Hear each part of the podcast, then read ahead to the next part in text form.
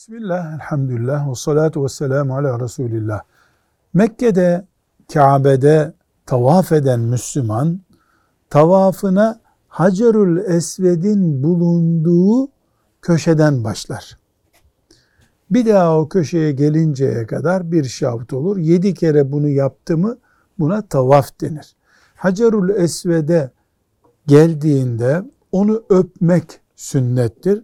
Öpme imkanı olmayan Hacerül Esved'in köşesine geldiğinde namazda ellerini kaldırıp tekbir aldığı gibi Hacerül Esved'i bu şekilde selamlar. Bu da onun yerine geçer. Ama tavafın şartlarından olmazsa olmazlarından biri değildir bu. Sünnetlerindendir. Velhamdülillahi Rabbil Alemin.